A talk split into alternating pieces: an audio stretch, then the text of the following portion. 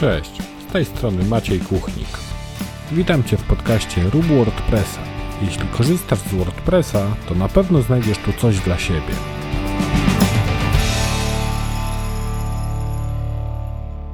Cześć, witaj w 41. odcinku podcastu Rób WordPressa. Dzisiejszy odcinek, co prawda, miał mieć zupełnie inny temat, natomiast tak się wszystko poukładało, że dziś będzie temat taki, można powiedzieć, mało WordPressowy. To znaczy, chciałbym się podzielić z Tobą takimi moimi doświadczeniami z tym, co się dzieje, jak tych WordPressów robimy za dużo w ciągu doby. Zanim przejdziemy do głównego tematu odcinka,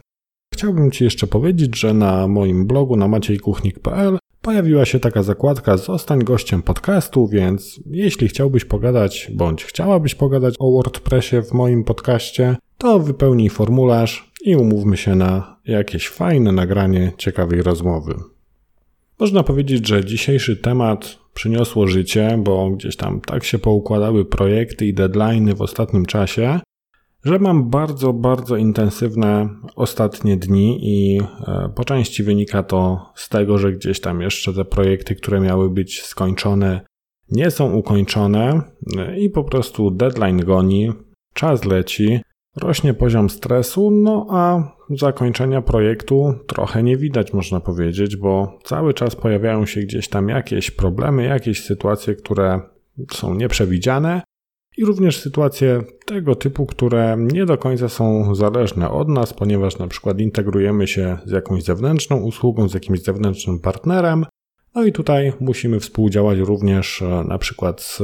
IT tego partnera. W tym odcinku chciałem przekazać Ci kilka takich moich sposobów na to, jak sobie radzić w takich kryzysowych sytuacjach, gdy faktycznie mamy tej pracy bardzo dużo i pracujemy naprawdę długo w ciągu dnia czy wręcz w ciągu doby, bo zwykle w takich sytuacjach i gdzieś tam praca późnymi wieczorami czy nawet nocami no, zdarza się i myślę, że e, każdemu, kto gdzieś tam dłużej w tej branży siedzi, zdarzyło się gdzieś tam gonić deadline.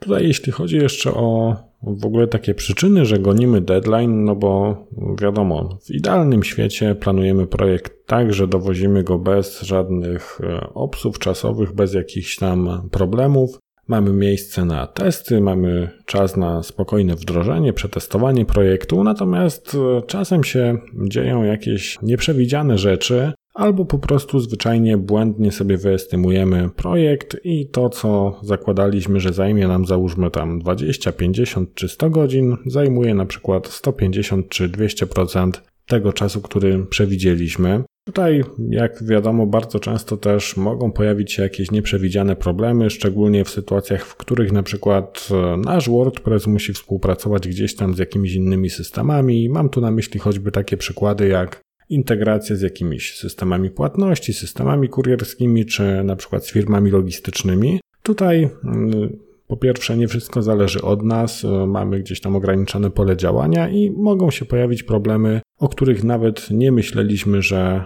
w danym obszarze jakiś problem może wyjść. Wiadomo, jesteśmy też tylko ludźmi, więc każdy z nas ma jakieś tam e, prywatne sprawy, mniejsze bądź większe zobowiązania, rodzina, dzieci e, i tego typu tematy, i czasem zwyczajnie coś tam nas oderwie od tej pracy w trakcie projektu, przez co powstaje właśnie jakieś tam opóźnienie. Niestety nad tego typu sytuacjami losowymi nie możemy ani zapanować, ani ich w żaden sposób zaplanować, więc one się po prostu y, dzieją, wydarzają i przewracają ten nasz idealny plan na realizację danego projektu. Oczywiście tu w tej sytuacji zawsze przydają się jakieś bufory czasowe, które założymy sobie w harmonogramie na to, aby właśnie mieć przestrzeń na nadrobienie tego typu elementów. Natomiast nie wszystko zawsze też się da zaplanować w taki idealny sposób, ponieważ e, nie wiem jak wy, ale ja bardzo często funkcjonuję z klientami w taki sposób, że nie mamy jakiejś super precyzyjnej specyfikacji projektu, tylko jakby rozwijamy go etap po etapie i tak naprawdę wszystkie prace, wszystkie plany są tworzone na bieżąco, to co robimy w jakiej kolejności, jakie funkcje, czasem te funkcje gdzieś tam się zmieniają, zostają rozszerzone, bądź niektóre funkcje wylatują zupełnie z projektu. I tu w przypadku takiej pracy też e, można powiedzieć, no dużo ciężej zapanować nad tym i gdzieś tam nadrobić ewentualne straty, jeśli pracujemy w jakichś takich bardzo krótkich sprintach. W takich sytuacjach zwykle mówimy sobie: OK, dobra, posiedzę wieczorem, posiedzę gdzieś tam w nocy, nadrobię, będzie dobrze. Niestety zwykle wygląda to tak, że ten czas biegnie, poziom stresu rośnie, bo deadline się zbliża, pracujemy po te 12-16 godzin na dobę. No i przychodzi taki moment, w którym już to zmęczenie gdzieś tam bierze górę i mimo tego, że siedzimy, pracujemy, to tych efektów jakoś nie widać za bardzo. I byłem kilka razy w takich sytuacjach, gdzie faktycznie ta praca po te 12 czy nawet 16 godzin na dobę była takim standardem przez kilka dni i o ile to jest jeszcze tam powiedzmy jakiś krótki okres, no to zwykle nie ma problemu, bo, bo można przycisnąć przez parę dni, potem odpocząć i wszystko jest ok. Ale jeśli pracujemy gdzieś tam dłuższy czas w takim trybie, no to niestety w pewnym momencie dochodzimy do ściany. Przynajmniej u mnie tak było, bo tutaj te doświadczenia, które, mm, którymi się dzielę, no to, to jest wszystko to, co gdzieś tam kiedyś przerabiałem. I tutaj niestety z tym zmęczeniem przychodzi również spadek koncentracji, spadek jakości pracy. Zaczynamy popełniać jakieś takie głupie błędy, przez które tracimy bardzo, bardzo dużo czasu, i mimo tego, że siedzimy faktycznie bardzo długo w pracy i nad danym projektem, nad kodem, no to niestety progres jest e, niezbyt dobry i tak jak mówię, dodatkowo też gdzieś tam pojawiają się jakieś takie zupełnie głupie błędy, które w normalnym trybie pracy w ogóle by się nie pojawiły. I tutaj w takich sytuacjach e, to, co gdzieś tam udało mi się już przez te wszystkie lata e, wypracować i to, do, do czego dążę w takich kryzysowych sytuacjach, to są między innymi takie rzeczy jak e, ustalenie takiego planu działania z klientem, poinformowanie klienta, na jakim etapie jesteśmy, w którym miejscu realizacji jesteśmy, jakie są problemy. No bo tutaj z doświadczenia zwykle wynikało to, że częściej brak informacji był większym problemem niż na przykład to, że nie dowieziemy jakiegoś tam terminu. I tutaj niestety też muszę przyznać szczerze, że miałem duży problem z tym, żeby gdzieś tam właśnie informować klienta, bo zawsze gdzieś liczyłem na to, że docisnę, dowiozę to wszystko na czas i będzie dobrze. Teraz widzę, że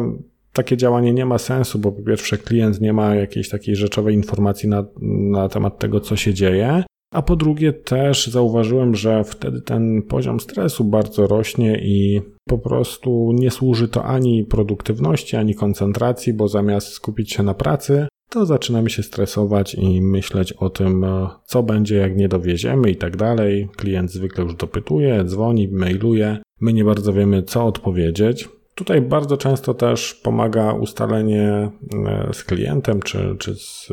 kimś, kto odpowiada za projekt, jakichś takich powiedzmy kluczowych funkcji, które musimy mieć jak najszybciej, które musimy mieć na przykład na starcie danego projektu. Załóżmy, że jest to sklep internetowy na przykład, no to ustalamy, co musimy mieć, aby taki sklep w ogóle uruchomić,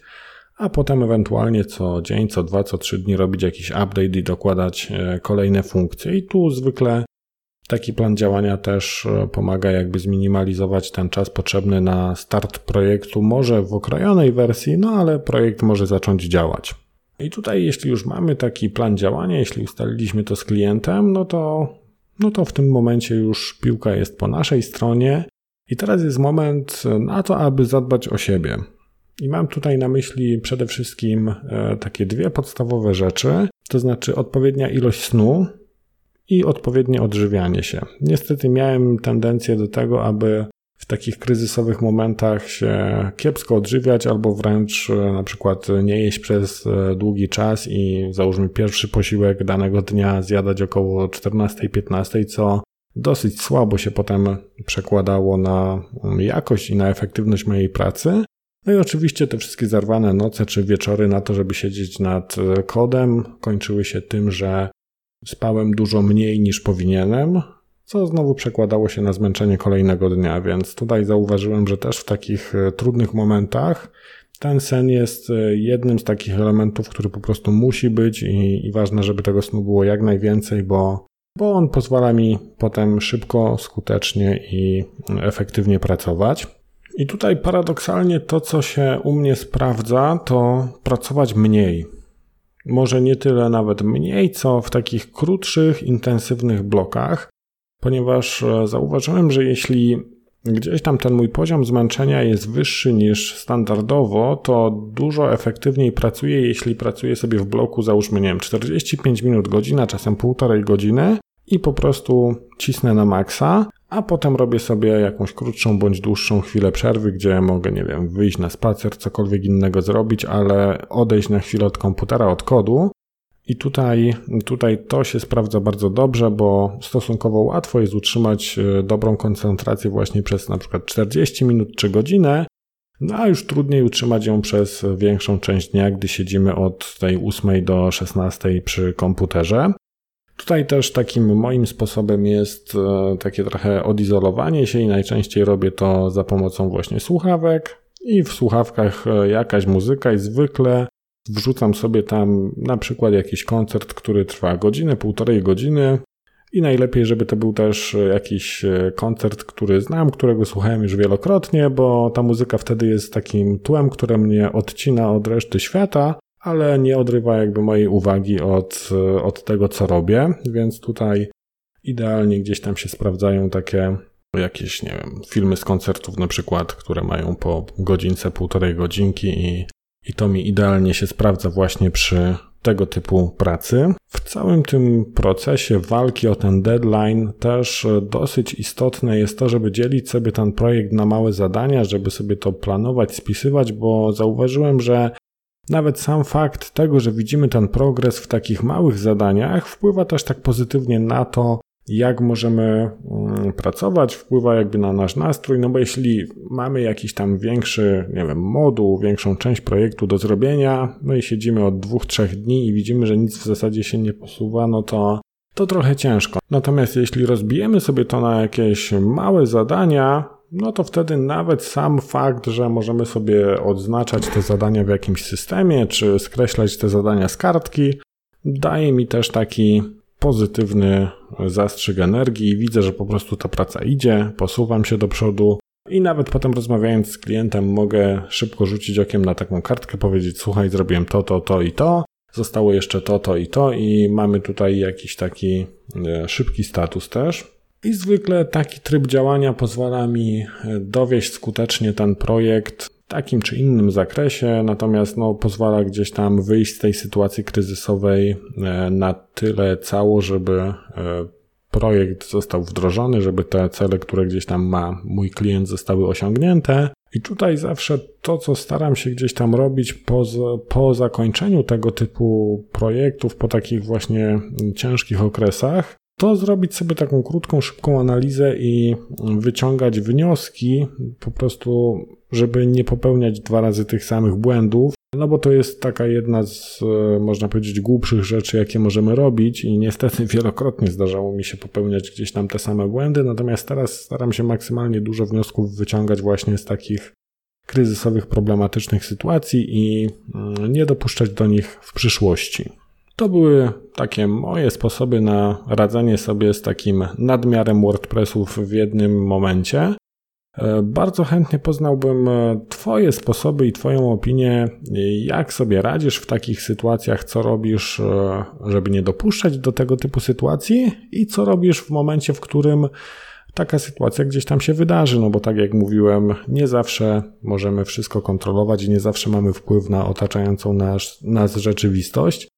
Także podziel się jakimiś swoimi takimi trikami na wyjście z tego typu sytuacji w komentarzach do tego odcinka, a komentarze znajdziesz pod adresem maciejkuchnik.pl łamane na 041. W tym odcinku to wszystko. Odcinek może nie był zbyt WordPressowy, ale kolejne już na pewno będą bardziej związane z WordPressem. Do usłyszenia za tydzień. Cześć!